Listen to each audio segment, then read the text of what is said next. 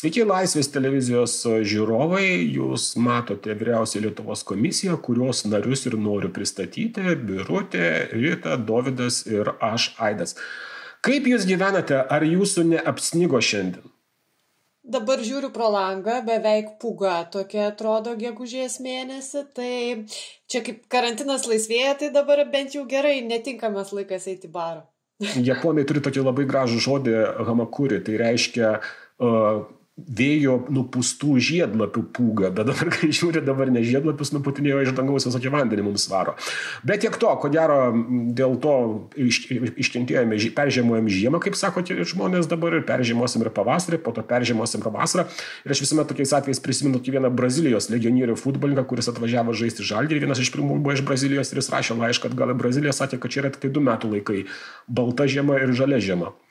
Tai gal taip mums taip nėra liūdnai. Geriau pakalbėkime apie kitus dalykus. Vat įdomu, kai sniegas šiandien pradėjo kristi, ar dangus buvo pasidaręs gyventojų apklausą, ar pritarė tokiam sniego kritimui ar ne? Gal nespėjo, nes apklausėjai buvo užimti prezidentūros apklausų darimu.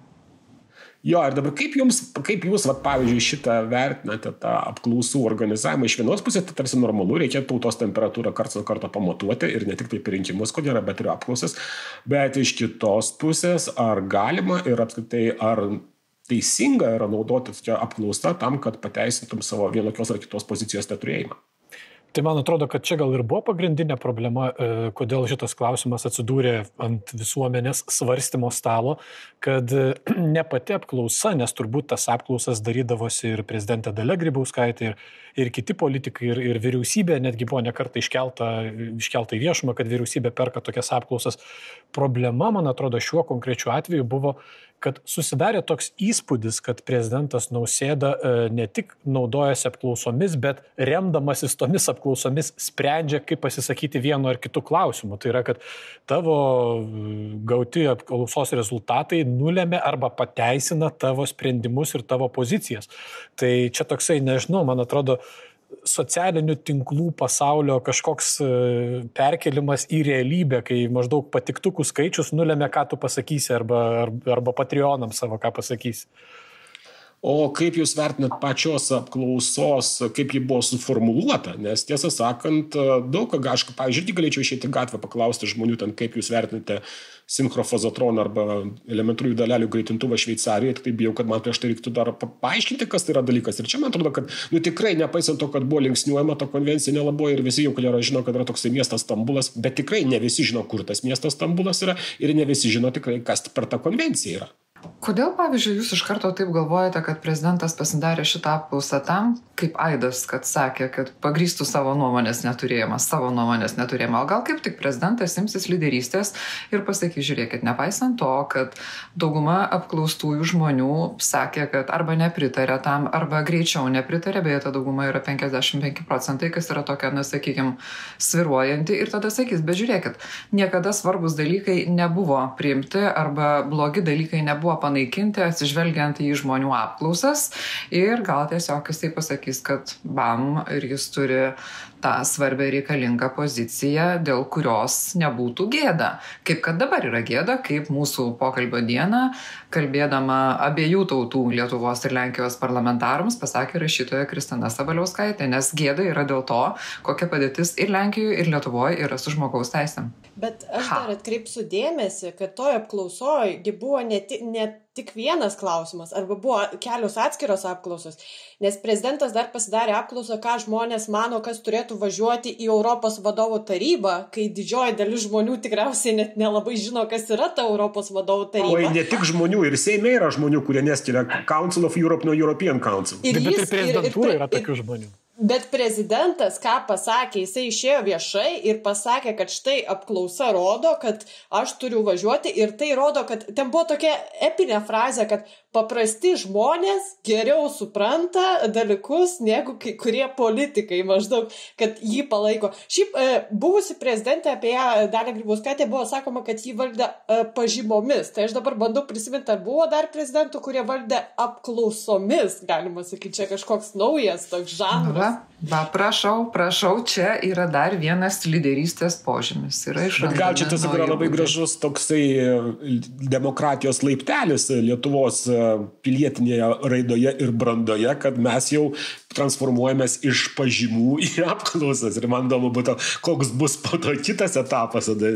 Gal tikrai po to jau bus tokie Facebook'o polai padaryti, tiesiog, kur tik vieną dieną iš šito prezidentas įdeda, paleidžia tokią opciją dviem, tu parašai ne ir pagal tai vakarė ir sprendžiame, kokie bus visi dalykai priimti. Tiesioginė demokratija, apie kurią čia daug kas šneka, kad reiktų ir referendumus paprašiau organizuoti ir visą kitą reiktų daryti. Būtume tokia šia, šiaurės Šveicarija, ar ne? mes, mes dar praleidom berniuko etapą. Prie... Ai, nu tai čia, čia berniukas tai buvo čia labai speciali fokus grupė. Jeigu ją susidedame įvairius žmonės, tai čia tiesiog atstovaujantis 10-11 metų Lietuvos augančių jaunųjų piliečių nuomonės, lūkesčius ir tai, kuo jie gyvena. Bet jeigu visiškai rimtai, kaip mes kalbėtume, kaip rasti vis dėlto tą balansą tarp atsiklausimo į nuomonę žmonių ir jiems lyderiavimo, kai tos nuomonės, sakysim, nelabai yra, arba ta nuomonė ne visai tokia, kuri turėtų uh, atspindėti mūsų kryptį judėjimą. Na, man tai atrodo, kad politikai šiaip tai turėtų priiminėti sprendimus na, pagal savo kažkokią politinę kryptį ar vertybės. Tai e, kai tu bandai visą laiką įtikti žmonėm arba didžiai dalį žmonių, tai e, tu pats dažniausiai tada esi joks ir tai ne visą laiką yra gerai. Aišku, visuomenės nuomonė reikia atsižvelgti, bet jeigu jau rimtai kalbant, tai apie tas apklausas vėl buvo tokia kritika, kad e, ir klausimai kaip sudaryti, ir buvo klausimas, o kodėl ši prezidentūra tarsi daro, nes e, čia parlamento šiaip reikalas yra. Tai, tai vad, nežinau.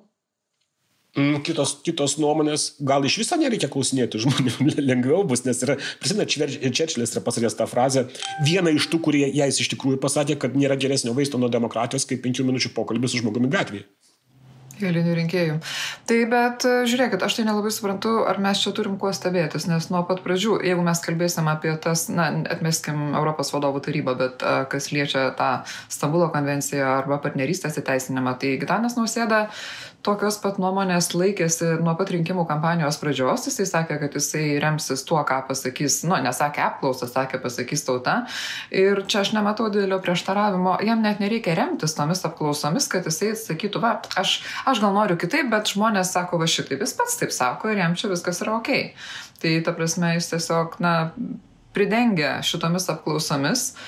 Kurios iš tikrųjų ir specialistų teigimu, ne, ne tik tai mūsų pašnekėjimu, buvo klausimai tai apklausai su, suformuoluoti nekorektiškai, yra manipuliatyvus ir jie tikrai nesuteikia žmonėm aiškumo, apie kągi tiksliai yra klausima. Jo, nes ten formuluotė buvo visai netoli to, ką su panašiai suformavusi Astrid Lindgren ir įdėjusi šitą formuluotę Karlsonui lūpas, kai Freckenbok pasakė, gali, ar galiu užduoti normaliai klausimą, nes vis, į visus klausimus galima atsakyti taip arba ne. Ir jis pasakė, nu gerai, ar jau liovėsi gurkšnoti konjaką rytais? Nu, va, tas yra pavyzdys, kad neįmanoma kartais atsakyti taip arba ne, bet čia irgi buvo pasistengta taip subalamuti, kad tikrai tokia apklausa, ko gero, galima mesti drąsiai į šiukšlę kartu su visų žmonių, kurie buvo apklausti nuomonė, nes, nu, jie tiesiog nekorektiškai suformuoluota. Aš dabar pagalvoju, jeigu mes, pavyzdžiui, pateiktumėm klausimą irgi dėl tų pačių vakcinavimo ar dar ko nors, mes gautumėm tokį rezultatą, kad būtų jis visiems įtikinamas ir parodomas, kad viskas su šituo gerai yra Lietuvoje. Dar vienas dalykas yra tas, kad, pavyzdžiui, dėl EVT e, klausimas, kaip buvo suformuoluotas, konservatoriai sako, kad reikia, kad premjerė važiuotų. Ir tarsi visi sako, tai akivaizdu, kad kas, jeigu tu nemėgsti konservatorių, tu sakysi, kad konservatoriai blogai. Sako, kodėl reikėjo tą dėti į klausimą. Tai ir, ir to... jeigu jau visai priekabėjai šitą klausimą vertintuome, tai ten turėtų būti pasakyta Tevinė sąjunga krikščionis demokratai. Man, nes konservatoriai kaip tokie partijos jau daug, daug metų kaip nebėra. Tai dėl to, man atrodo, visi ir sako, kad tiesiog prezidentas norėjo pasigrysti savo nuomonę, nes tarsi klausime jau tu suformuluoji taip, kad, nu, tu žinai, kokį tu atsakymą gaus. Tai tokių labai klausimų daug... galima labai daug priformuluoti. Jo, Dogdai, tu norėjai papildyti. Man kažkaip atrodo, kad, kad šita apklausa ir tai, kaip veikia prezidentas Nausėda, ne tik šit, šituo atžvilgiu, bet ir kalbant netgi apie tą patį 10-11 e, metų berniuką. Tai man atrodo, kad tai yra dalis to paties reiškinio, ką mes matome ir, ir, ir kitose vakarų valstybėse, kai politikai aiškiai suvokia, kad jie turi kažkokią auditoriją, tai auditorijai siunčia žinutę ir jiems visiškai nusispjaut, kad žmogus, kuris nėra jų rinkėjas, į tai pažiūrės kažkaip kritiškai ir taip toliau. Man atrodo, kad tai yra to paties, nežinau, turbūt tai galima vadinti post-truth ar ne, post-tiesos kažkoks era politikoje, nauja forma įgavusi tiesos sampratos permastymas ir kada tu paėmė tikrovę, atrėži kažkokį tos tikrovės elementą, ar ne, nes yra apklausa. Apklausa padaryta, tai faktas. Konservatoriai Dalis, irgi yra.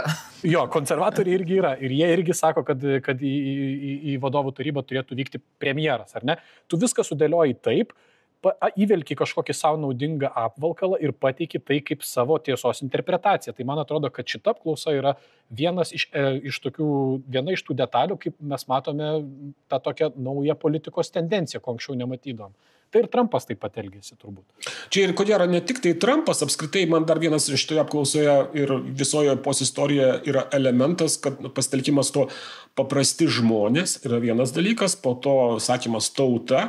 Ir tą sako, aš jokių būdų nenoriu dėti lygybės ženklo tarp dauganto aikštės ar ne ir to, kas bus Vingio partija, apsaugok, apsaugok Dievą. Bet ir jo organizatoriai naudoja tą patį momentą. Visi žmonės mano, visi žmonės tiki ir jie net, šį čia tuo atveju net nepasitelkdami kažkokios klausos, bet dabar kažkoks atsirado, nu tiesiog visiškas vajus visiems mojuoti kad atstovaujame visus ir atstovaujame kažkokias, kažkokias mistinės daugumas.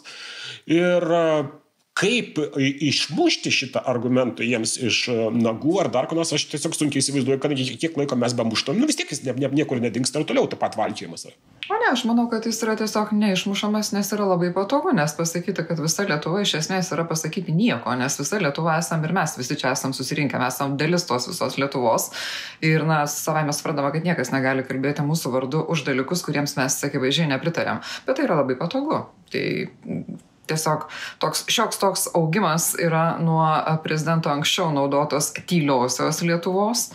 Dabar jau jis perėjo prie visos Lietuvos. Tai kažkaip... Jo, tylioji Lietuva, Amerikoje prisimenu irgi buvo toks terminas silent majority, tylioji dauguma, žodžiu, tai yra nieko naujo, atrodo, po šitą saulę ir netgi, aš, pavyzdžiui, praleidau labai liūdną savaitgalį, liūdną dėl to, kad žiūrėjau labai gerą dokumentinį serialą per HBO, tai yra Q Into the Storm apie visą tą Kuanono kultą, mitą ir panašiai. Ir, ir nu, aš, aš galiu jums labai liūdnai pasakyti, kad tai, ką mes turime, dar pas mus yra viskas biški švelniau, taip ramiau, gulotniau.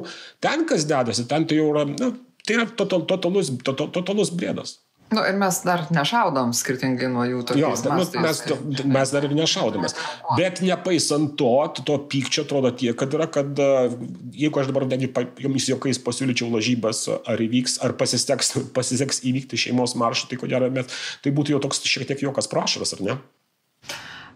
Kaip, aš tai su tavimi nesilažinčiau, nes jisai įvyks ir jisai... Tarkim... Ne, ne, aš, aš, aš turiu minėti, įvyks ne kaip faktas, bet įvyks kaip sėkmė jų organizatorių lūkesčių. Labai didelė sėkmė turbūt neįvyks, nes vis dėlto tai yra, na, nėra visa Lietuva, kad ir kaip jie tą besakytų, bet aš į ką norėčiau atkreipti dėmesį, viskupų konferencija pasakė, kad viskupai šitam reikalė nedalyvaus, matras kažkokiu kitokiu būdu kovoti už tą tradicinę šeimą, kurią, kažin kokiu tai būdu visi čia bando išnaikinti, matyt, bet to toksai garsus Bistrampolio klebonas, na, pats kaip ir nedalyvauja, bet jo dvaras yra žymimas kaip vieta šito maršo dalyvių starto iš tos Lietuvos dalies vieta ir sakyk tu, ką nori, bet tai yra bažnyčios atstovų dalyvavimas šitą maršą.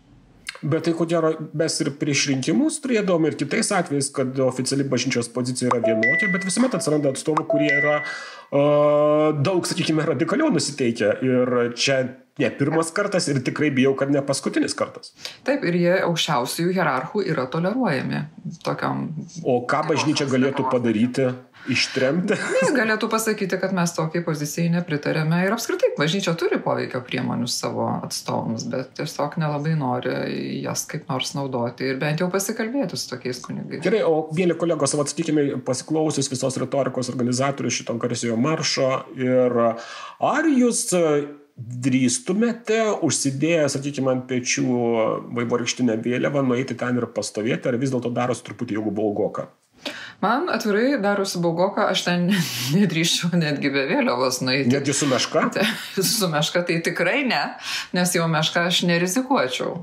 Tai, bet jo, čia yra toks... apgintų.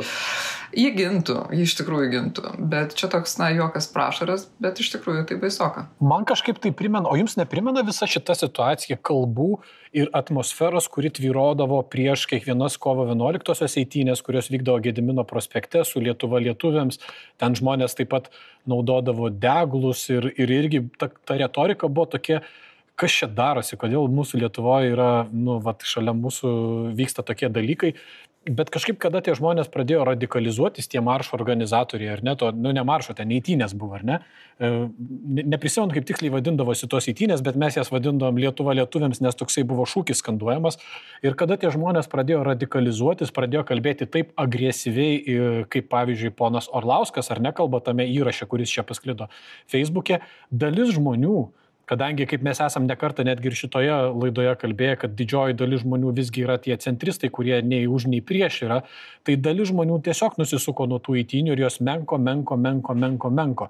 Tai man kažkaip susidaro įspūdis, gal aš aišku per optimistiškai galvoju, kad didžioji dalis žmonių ateisinčių tenai jie tikėsis kažkokios pozityvios žinutės, kad čia mes visi faini, mes su šeima ir taip toliau. Nemaža dalis ateis iš smalsumo pamatyti, kas tenai darosi, bet kad tai išvirsi kažkokį tokį mm, bendrą nuotaiką šalyje keičianti įvykį, kažkaip man tai sunku patikėti. Tie žmonės, kurie yra lyderiai, jie netrodo telkiantis lyderiai ir jų žinutė netrodo patraukli, netgi kalbant apie tos žmonės, kurie galvoja priešingai nei mes.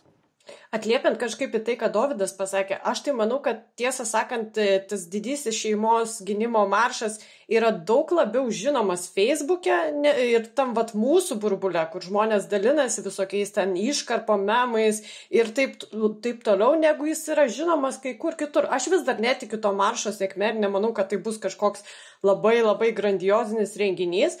Ir bent jau nu, kiek aš stengiuosi pasikalbėti, nežinau, su vyresniais žmonėmis iš kažkur, tai didžioji dalis savo, ką, koks, koks maršas, nes Facebook'e tai yra, vat mūsų burbulė, tai yra labai ryškus dalykas ir mes labai daug dėmesio tam skiriam. Bet ar tai tikrai bus toks e, na, renginys už Facebooko ribų? E, mes daug dėmesio, aišku, skiriam iš kitos pusės dėl to, kad mes, na, tarsi parodom, ką tie žmonės šneka ir taip toliau, bet man atrodo, čia toks labiau mūsų, mūsų dalykas pasijuokti ir, ir, ir, ir įdėti Facebooko memus. Nu, aš labai norėčiau būti panašiai optimistas, bet e, prisimindamas e, tą šalį, apie kurią jau kalbėjau, kaip filmą, tą dokumentinį serialą žiūrėjau, tai ten irgi iš pradžio atrodė, kad viskas liks tik tai burbulų parlerė ir Twitter'e, bet va išaušo sausio šeštoji ir prie Kapitolijos atrodė viskas šiek tiek kitaip. Aš žiūrėkit, aš irgi, aš netikiu didžiulę to maršo sėkmę, tikrai ne. Jeigu taip susirodė, tai ką nors nušnekėjau pro šoną, bet aš nemanau, kad jisai visiškai neįvyks. Ir kaip tik dėl to, kad išsikvėpė tos e, tautiškosios eitynės, žiūrėkit, dalis žmonių yra tie patys, kurie marširuodavo ten prospektu. Dabar jiems reikia kažkokios naujos veiklos ir šita tema yra labai patraukli, nes dalis, na, tiesiog eis su dalgiais prieš bet ką arba už bet ką, dalis tikrai nesusigaudo ir čia yra tokia na, vieta pasireikšti. O dėl to Facebooko arba ne Facebooko burbulo, tai mes neužmirškim, kad yra dar tokie kiti burbulai, kuriuose jau mes nedalyvaujam. Yra tokie laikraščiai kaip Vakaro žinios Respublika ir panašiai, kurių mes nelabai skaitom ir nelabai sekam, kas ten yra parašyta būna. Bet jeigu tai pažiūri, tai supranti, kad yra vis dėlto dalis žmonių, kurie tiki tuo, kas ten yra rašoma ir tai yra jų informacijos šaltinis. Tik tai yra dar toks Kitas momentas, kad su Respublika jie jau susipyko, na, su Tomkam turiu galvoje. Tai neaišku, kiek dar ten liko nepersipykusių ir kiek nepersipyks iki to galutinio maršo jau deadline. O. Čia gal mūsų yra va, tas toks labiau marginalizuotos ar politinių partijų, ar, ar bet kokios kitos vat, platformos dalykas, kad jie vis laik susipyksta. Ir jie susipyksta dar nespėjus, nežinau, galbūt jeigu į Seimą eitų e, daug tų vat, mažesnių, marginalesnių partijų susivienijusios, tai jos ir perleptų tos 5 procentus. Tai aišku, jos 12 procentų gautų, manau. Nes... Bet, bet jie negali nesusipykti. Būtent tai dabar, dabar su maršu, man atrodo, yra labai panašu. Bet man biškai kitas klausimas, vat, Andrius Tapinas, kurio dabar čia nėra, tai iškėlė irgi, kad 7 tūkstančiai žmonių, nu, sakykime, kad tiek susirinktų pandemijos metu ir čia yra nerenginys, o protestas dėl to galima. Tai, tai čia toks labai paprastas būdas, man atrodo, apeiti renginių ribojimam, nes daug kas gali daryti koncertus e, ir pavadintai protestais ir pasakyti kažkokią protesto, e, protesto kalbą. Nu, nes formaliai šnekant, man atrodo, apriboti susirinkimų laisvę, susirinkimų būtent kaip, kaip žodžio ir žodžio laisvės tyra, man atrodo, įmanoma tik tai įvedus nepaprastąją padėtį. Kitais atvejais ne, tiesiog neturi, neturi pagrindo jokia savivaldybė neleistų susirinkti, nes tiesiog tai yra, tai yra garantuota žmonėms įstatymą. Tai būtų labai blogai, man atrodo, jeigu tas maršas būtų sustabdytas remiantis tokiais formaliais punktais, kad maždaug jie perlipa kažkokius karantino ribojimus ir dėl tos priežasties maršas negali vykti ir ten jos išsklaidytų. Man atrodo, tada ta energija ji nebūtų nuleista, jinai tvenktųsi, tvenktųsi ir jie turėtų dar daugiau temų apie ką kalbėti, tada jau būtų neramu, man atrodo. Jo, ir dar vienas dalykas, jie gautų dar puikią progą tiesiog panešioti dar žabelių į savo laužą, nes visiems jiems labai, labai visuomet patinka būti kažkokiais kankiniais ir nieko, niekas jų labiau nenervuoja, kai niekas jos nekreipia dėmesio ir niekas nesiuošia nei jų deginti, nei jų, nei jų persikioti, nei dar ko nors.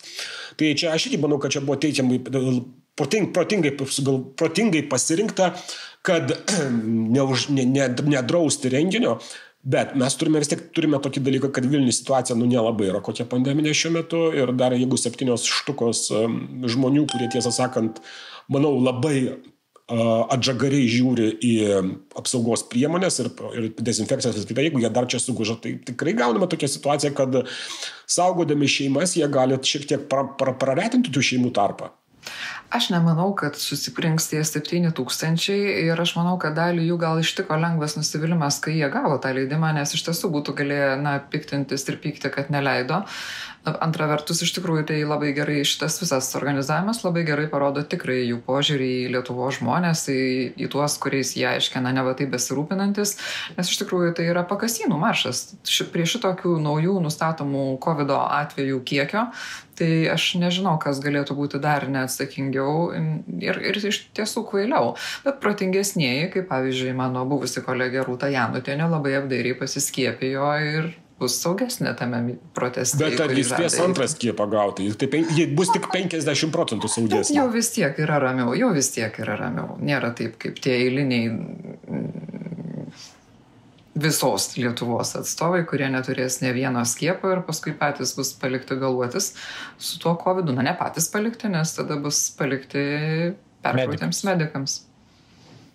Žodžiu, mes ko gero rezumuojame, jeigu rezumuotumėm šitą potėmę, tai maršas įvyks, kažin ar jis įvyks taip sėkmingai, kaip nori jo organizatoriai, bet dėl to, kad nevyks taip sėkmingai, ko galime, galime kaltinti daugiau ne jų idėjų nepopuliarumą, o savo pačių netalentingumą kaip organizatorių, kurie amžinai susipyksta ir šiaip yra bėsdarai, kurie nu, nieko daugiau negali nuveikti. Nėra šeimų bedumo.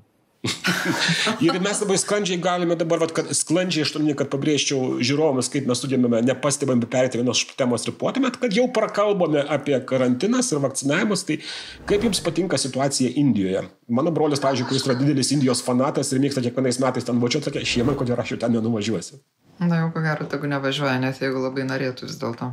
Tai maniau, kad tu čia padegsi kažką, kaip prašnekai apie dūmus ir sklandų perėjimą. Tai šiaip yra gudu, niku ir baisu, iš tikrųjų ir kokios vis dėlto to priežastys, nes tarsi buvo, pa...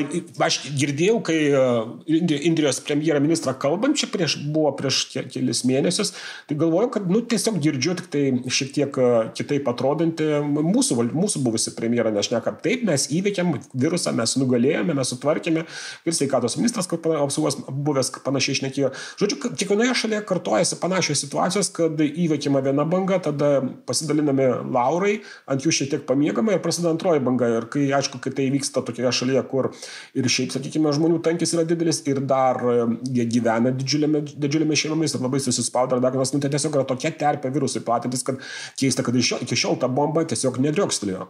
Ir dar hygiena ten atsiminkime yra faktorius, kuris turbūt nėra labai. O tai hygiena man baisiai įdomus dalykas yra, nes šalia yra Bangladešas. Atrodo, ta, tos pačios tradicijos, nu, religija kita musulmonų, ne hinduizmų vyraudė, bet atrodo panašios tradicijos, panašios hygienos Bangladešas kažkaip sugebėjo nuo 2011 metų padaryti taip, kad šalyje, kur anksčiau buvo pusė gyventojų nesinaudoja tualetais, dabar nesinaudoja tik tai 3 procentai. Visiems kitiems sugebėjo įteikti. Indijoje kažkodėl šį dalyką neveikia kaip, kaip, ir, kaip ir anksčiau, vis dar pusė gyventojų nesinaudoja tualetais. Aišku, kai tu girdi, kad vis naujas ir naujas mirštamumo rekordas ir kai žmonės miršta prie ligoninių re, realiai e, vos neįlėse, tai... Nu, kai muštynės bet... vyksta dėl degonies. Taip. Tai ir tai yra šalyje, kuri turi vieną iš didžiausių potencialų ir resursų pačioms vakcinoms. Nes pasirodo Serumo institutas, kuris e, ją štampuoja, tai yra didžiausia tokia pasaulyje tokia pobūdžio įmonė, bendrovė. Ir nepaisant to vis tiek atrodo nieko. Čia, žodžiu, ko gero pamokų iš Indijos šiuo atveju nebent mes galime kaip visuomet iš rytų pasimokyti dvasingumą, bet tikrai ne taip, kaip organizuoti pandemijas ir jas valdyti. Uh, Ir Dovydai, tu norėjai dar prisimint, kalbant apie rytus ir vėl sklandžiai pernant į kitą potėmę kažką apie Rusiją pakalbėti. Jo, mes prieš laidą, prie, prieš laidą kalbėjom apie tai, kad viena tokių aktualiausių turbūt temų šį mėnesį buvo Rusijos kariuomenės telkimas, ar ne, prie, prie Ukrainos sienos. Ir buvo tokio tikro nerimo, nes iš kur 150 tūkstančių karių prie sienos su Ukraina, ten aplink Rostovos rytį ir, ir šalia Donbaso, šalia Krymo, tai yra didžiulis skaičius ir nežinau, žmonėms, kurie gal nesusidūrė su tais reikalais, svarbu pasakyti, kad logistinė operacija perkelti tokį kiekį karių iš šalies, e, kažkur iš, iš Rusijos turiuomenį, glūdumos prie savo sienų, tai yra milžiniška operacija, reikalaujanti daug planavimo ir taip toliau. Ir aš prisimenu, kad balandžio pradžioje, balandžio viduryje tikrai buvo daug nerimo dėl to, kas vyks toliau. Netgi tas Amerikos ar neįsitraukimas, Junktinio Amerikos valstybių įsitraukimas į, į dialogą politinį E, nu, irgi parodo, kad tai, kad tai iš tikrųjų ne tik Lietuvoje atrodė labai svarbi tema, bet visame pasaulyje. Ir tiesą sakant, Rusijos sprendimas atitraukti tuos karius nuo sienos, kaip suprantu, tai nėra fejkas. Tai iš tikrųjų jie atitraukinėja karius nuo sienos. Mane šiek tiek nustebino, nežinau kaip jūs, kokios jūsų mintis ir kokios priežastys, kodėl jie nusprendė visgi atitraukti tuos karius. Mm, aš tai, jeigu man bus leista tokių man porą mažų dalykų, tai pasakyta po to prieš perleidžiant uh, kolegiams balsą, uh, mane nus, labai pritrenkė žinutės, kurio buvo pasirodžiusios Rusijos, kai buvo jau perkelinėjimai tą pusę link Ukrainos, kad pradėjo triukšmą kelti įvairių sričių gubernatoriai, kad atsit Hebra mes nebeturime vagonų normaliems civiliniams pervežimams, jūs konfiskuojate visą. Tai rodo, kad Rusijos tie logistiniai sugebėjimai nėra tokie jau beribiai ir kad jeigu užsiminėjai kažkokiais kariniais dalykais, nu, tu turėjo tam automat, automatiškai atimti, atimti daug iš, civilinės, iš, iš savo civilinės grandies. Žodžiu, nėra jie tokia, tai ta šalis visą gali. O antras dalykas, aš ilgą laiką šitie kariuomenė buvo telkima, bet ji buvo telkima grinai tik tai pačios kovinės paėgos, bet nebuvo ilgą laiką nei sanitarijos, nei lauko virtuvių, nei dar kažkur panašiai. Ir tik tai jau paskutiniu metu visi pradėjo labai nerimauti, kai atsirado visos šitos vadinamosios uh, paramos, paramos dalis, kai jau pradėjo ir lauko ligoninės būti statomos ir kiti dalykai, tada jau žmonės rimtai sunerimo, kad visko gali būti, bet kažkaip sugebėjo tas visas did, didžiulis burbulas labai taip ramiai ir tyliai subliukšti. Kodėl? Bet vėlgi, tęsdamas e, Davido klausimą, gal kodėl jūs manome, kodėl jūs matote, kam buvo reikalingas toks brangus, toks brangus karnavalas? Aš tikrai nežinau kodėl, bet jeigu tik tai bandytumėm čia spėlioti kažkaip ir, ir, ir garsiai pasakyti tai, kas sukasi galvoje, tai aš manau, kad nėra jokia naujiena, kad a, režimui yra nusispjauti į civilių gyventojų reikmes. Čia tikrai nei šeštas, nei 71 kartas, kai jie gali padėti visą civilinį gyvenimą šonę ir, ir sutelkti visus resursus kariuomeniai. Šit tą operaciją jie galėjo ir palaikyti pasaulį įtampoje ir ką tikrai labai sėkmingai padarė. Aš tikrai nežinau tikrųjų priežasčių, dėl kurių buvo atitraukta. Gal viena buvo iš tų, kad vis dėlto na grėsmė susidurti su realia kontragrėsme irgi buvo.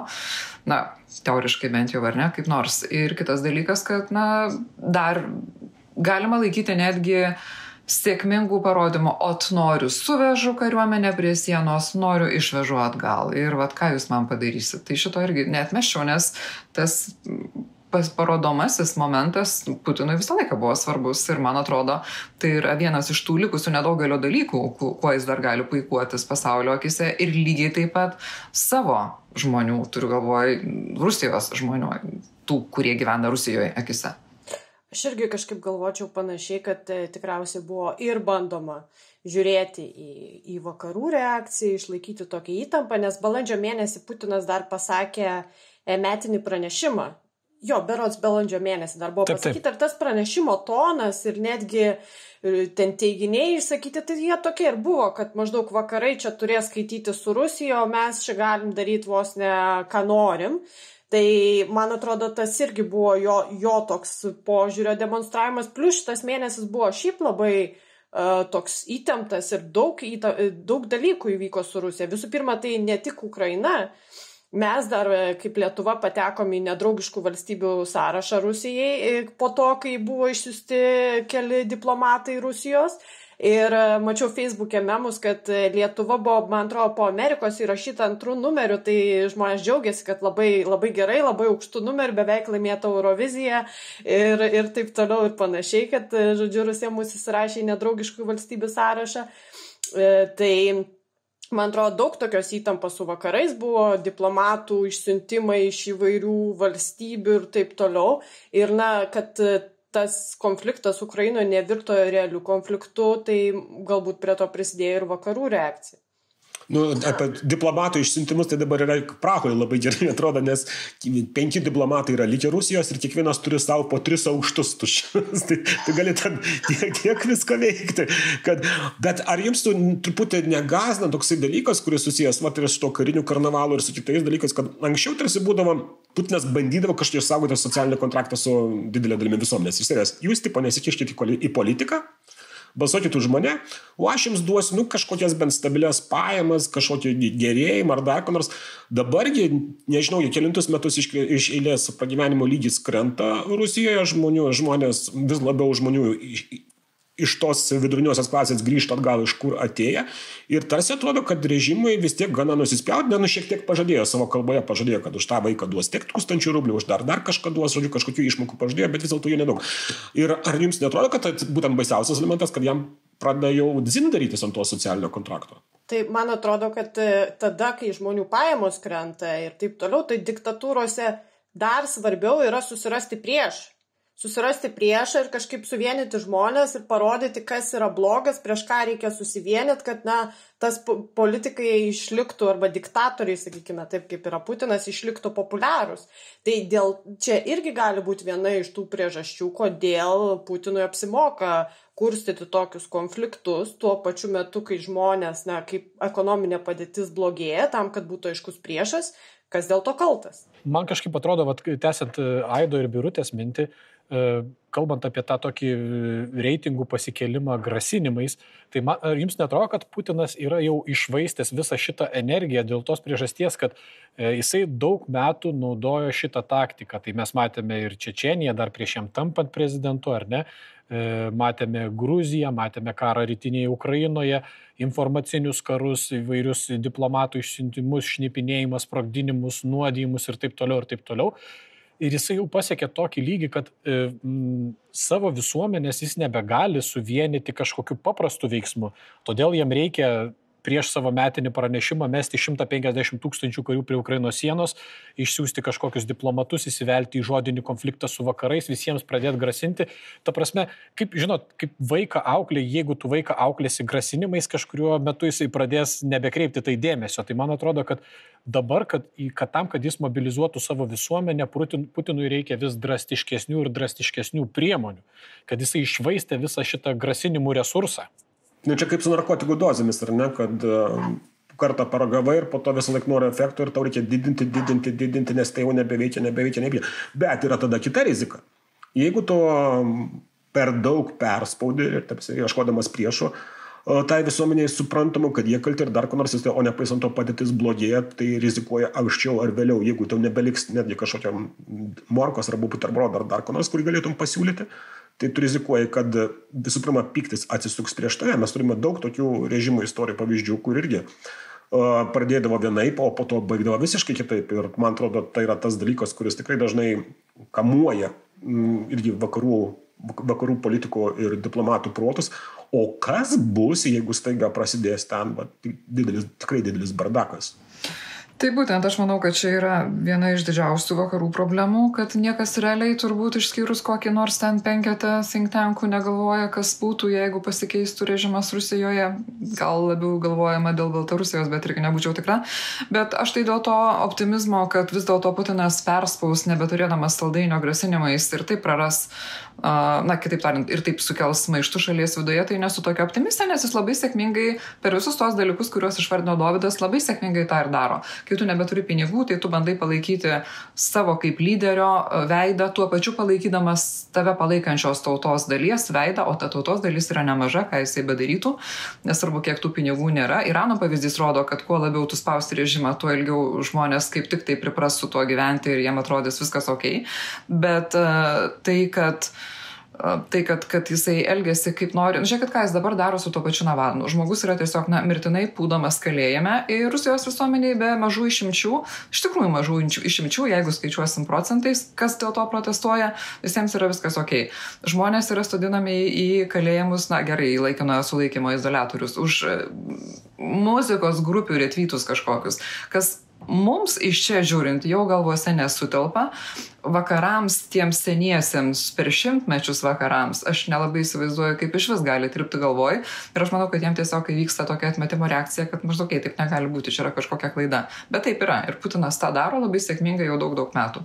Ir nemanau, kad per artimiausius porą metų jam staiga šita praktika pasirodytų kaip nepasiteisinanti ir kad jis nutartų ją keisti ko nors kitu. Aš tik tai norėjau pasakyti, kad e, sakydamas tai, kad jis išnaudoja savo tą grasinimų limitą, aš turėjau menį ne optimistinį variantą, kad kažkas nutiks Rusijos viduje, bet priešingai, kad jam reikės didesnės agresijos ir naujo kažkokio konflikto žydinio, nes Ukraina jau yra išgrota tema, ar ne? Tai va, aš kažkaip nežinau, man atrodo pavo, pavojingai jisai žaidžia. Tai... Jo, bet iš kitos pusės guodžia šiek tiek tai, kad uh, visiškai nėra visuomenėje jokio entuzijazmo. Ir apklausos ir panašiai rodo, naujiems avantūrams jau nebėra taip, kad visi kažkada reikia krimnaš. Kai prasidėjo nesąmonės Sirijoje, iš pradžių buvo žmonėms, nu, gražu pažiūrėti mūsų lėktuvai, ten skraido, mūsų pačių nukentėjusių nėra, tai viskas faina, ten tada, bet pradėjo pradėjo žmonės klausinėti ir savęs ir ten pat, o kiek tai kainuoja, kiek kainuoja Libijoje visi, visi, visi dalykai, kiek kainuoja čia, visi dalykai, visi pradeda, pradeda jausis, kad čia jie yra apvaginėjami. Ir tarsi aš ne, ne, neturiu irgi didelių iliuzijų, kad staiga visi rusai pradėjo pasidarys labai dideliais revoliucionieriais, demokratais ar dar ko nors. O, ypač atsižiūrint, kad, pažiūrėjau, po Navalno grįžimo į Rusiją jo reitingas, teigiamas reitingas netgi sumažėjo Rusijos pačios tarpe ir daug žmonių yra, kurie žiūri labai tikrai neigiamai. Tačiau kai kuo daugiau žmonių pradės savęs klausinėti, palauk, palauk, palauk, kur mano žadėta didesnė pensija, kur mano žadėta didesnė alga, kur mano žadėtas dalykas, nu vis tiek kažką turės tas nepasitenkinimas virsti. Ir nesakau, nu socialinis kontraktas, ar jis rašytas, ar jis nerašytas, bet jis, jo laikymasis yra nu, sėkminga režimo išsilaikymo sąlyga. Ir kai tik tai socialinis kontraktas įmamas pažydinėti ir pažydėti nuolatos, vis daugiau šansų, kad reikia tik vienos mažos čibikštėlės, kad ir jos nereiktų. Ir šitame kontekste aš norėjau vėlgi, ne tai, kad... Vėl sklandžiai, grakščiai perėsti į kitą temą. Jo, sklandžiai kitą perėti temą ir nežinau, ar jūs pastebėjote, kad met, kiek metų mes jau esame jau Europos Sąjungoje, nes visai neseniai buvo vėl ta, ta data. 18. Tas įstojimo gimtadienis. Nuo ketvirtų. Jo, nuo ketvirtų metų. Matau vėliavėlę Europos Sąjungos ant lempos iškabintą. Jo, ir dabar klausimas jums ir, ir čia vienas iš tų klausimų, kuriuos ko gero būtų galima įtraukti panašių kaip ir apklausoje draudžiamų klausimą, nes jį labai sunku atsakyti bus taip ar ne. Vis dėlto, kur jums narystė fainesnė - ES ar NATO? Ir negalime lyginti, bet palyginkim man NATO. Tai aš sakau, kad negalima lyginti kaip ir apklausoje, negalima lyginti, bet vis dėlto palyginkim. Aš gal irgi pritarčiau rytai, kad NATO. Aš galiu paaiškinti, kodėl. Aš tiesiog jaučiuosi saugesnė kiekvieną kartą, kai tie NATO naikintuvai kokią nors progą, nes be progos jie neskraido, sudrebina orą virš mano galvos ir virš viso Vilniaus miesto slauna, man iš tikrųjų pasidaro labai labai gera. Tai turbūt jo, tas saugumo klausimų, tai savame suprantama, kad, kad NATO yra tas toksai, kur tu turi tokį apčiuopiamą saugumo jausmą, bet man, aš tada vien dėl to, kad, kad būtų ir kitokia nuomonė, kažkaip ES narystė gal svarbesnė tuo, kad mes iš tikrųjų neįtikėtinai pasikeitėm kultūrinė prasme. Mūsų visuomenė pasikeitė visiškai, jeigu tu pagalvotum, e, kokiuose kiemuose mes augome ir e, kaip buvo kalbama apie nežinau ką. Turbūt standartiškiausias būtų pavyzdys apie gėjus, tarkim, ar ne, arba kaip buvo mąstoma apie, apie kažkokius kitokius dalykus tas pasikeitė visiškai 180 laipsnių kampu ir manau, kad Europos narystė Europos Sąjungoje Mm, tai labai smarkiai e, prisidėjo prie šitų dalykų. Ir visi šitie šeimų maršai, kurie yra ir, ir tam tikrą prasme prieš ES irgi nukreipti, prieš europietiškas vertybės, tai rodo, kad netgi tie žmonės, kurie tam nepritarė, mato, kad Lietuva labai smarkiai pasikeitė. Ne, tai čia taip gali pasirodyti, kad mes truputį prieš Europos. Ne, ne, ne, ne, aš suprantu, suprantu, kad aš irgi ne prieš NATO, aš irgi suprantu, kad NATO prieš. Ne, aš tiesiog aš labai atsiprašau dėl savo provokacinio klausimo, bet man, man jo reikėjo tam, kad galėtumėme užbaigti Rusijos temą ir dar sklandžiau pereitumėm prie visai jau pačio paskutinio dalyko, kadangi jau mes pradėjome lygyti Europos Sąjungą ir NATO, Europos Sąjungą. Tai vis dėlto, be jokios apklausos, va tarp mūsų čia keturiese šnekatas, kas turėtų važiuoti ir atstovauti Lietuvą Europos vadovų taryboje? Koks skirtumas? Kas parašyta dokumente, kad turi atstovauti, tas tegul ir atstovauja, kaip suprantu, premjerė. Tai. Nėra, man atrodo, dokumentų. Tai čia vat ir bėda, bet man atrodo, kad e, puikiai galėtų susitarti prezidentas su premjerė ir pasidalinti. Čia jo, iki, iki Lisabonos sutarties buvo labai gražiai, galėjo važiuoti du žmonės, dabar gali tik tai vienas žmogus važiuoti ir tai nėra problema, kad vieta viena, o kandidatai du. Paėgiai galėtų važiuoti. Iš tikrųjų, tai tikrai galėtų susitarti ir būtų labai puikus pavyzdys, nes e, dauguma atstovaujamų valstybių siunčia premjerus, iš tikrųjų, man atrodo, du ar trys tik tai važiuoja ne premjerai, bet, bet susitarimas būtų puikus pavyzdys, galintis stiprinti tą vienybę, apie kurią taip gražiai yra daug šnekama ir iš tikrųjų per mažai daroma, jeigu sudėsim tos porą rūmų, vieną prospekte, kitą daugant, kitus daugant aikštėje. Bet daugant aikštės rūmose, parke vidinėme yra šuniukams skirtų, šuniukų paliekamų kakučių surinkimui skirtų maišelių stotelė. Pagalvokit štai savo, ką Grykis padarė. Ir tai, ko gero, yra vienas dar vienas iš tų europėjimo požymių, apie kuriuos kalbėjo ką tik Davidas. O jūsų pasiūlymas, beje, važiuoti pailiui buvo visai fainas. Aš prisimenu, kažkada Erlickas netgi buvo pasiūlęs tam, kad išspręstų tą amžinąją dilemą paskelbti visas lyginės dienas gedulo, o nelyginės vilties dienomis. Tai čia lygiai taip pat galėtų, kad į lyginius susitikimus važiuotų, sakysime, prezidentas, o į nelyginius važiuotų premjerė ir būtų tikrai saliamoniškai išspręstam ir galų galia visi jau būtų pasiskaičiavę ketvirtus metus, ketveris metus į priekį, kur kas važiuos ir žinotų savo dienotvarkę. Bet prieš tai reikėtų apklausos. Į nelyginius turi važiuoti kuris, o į lyginius kuris. Jo, prieš tai reikėtų apklausos ir mėly laisvės TV žiūrovai, po, kai žiūrės, pažiūrėję šitą įrašą, jūs galėsite patys po komentaruose, po Facebook'e, po nuorodą į šitą įrašą pakoment, pasidaryti savo apklausą ir išskirti savo nuomonę įvairiausiais klausimais, ne tik tai klausimais, kurie, aptrė, kur, kur, kurie klausinėjo prezidentas tiek berniukų, tiek uh, Lietuvos šiaip žmonių, bet ir kitais, kuriems gali rūti pasidarot mažą minipolą, jūs sužinote ir tie tada jau žinote, kaip jums atitinkamai elgtis. Mes jau pašnekėjome visą akademinę valandą, tai aš galvoju, kad tiek atsižvelgiant tai, kad moksleiviai jau grįžta į klases, solidarizuokime su jais ir netestime labiau daugiau pokalbio negu akademinė valanda. Uh, Ne viską spėjome aptarti, tačiau visko aptarti, ko gerai neįmanoma. Tai ką aš noriu Jums labai padėkoti, padėkoti Ritai, padėkoti Brutei, padėkoti Dovydui, padėkoti savo už tokį sklandų moderavimą ir tokį simlės perėjimą iš vienos fotėmės į fotėmę. Ir atsisveikinti su visais Laisvės TV žiūrovais. Iki kito pasimatymo žiūrėkite Laisvės TV įvairiausias laidas. Čia, o čia buvo vyriausiai Lietuvos komisija. Ate. Aš dar noriu pasakyti, kad aš iki galo nežinau, ar tai tikrai Grikio nuopelnas. Atsiprašau, jeigu pripaišiau Grikijui nesamus dalykus. Ir man atrodo, Davidas kažką irgi mojuoja. Dar nori sakyti, ar ne? Ne, ne, ne. Aš pirmais aš norėjau sakyti, kad žmonės komentaruose siūlykit, apie ką dar reiktų padaryti apklausą, bet čia jau praėjęs. Čia savame tai... suprantame, čia savame suprantame. Bet savame suprantame, kad rytos, rytos postskriptumas turėjo būti apie šuniukus. Ačiū ir iki. Ate. Ačiū. Ate.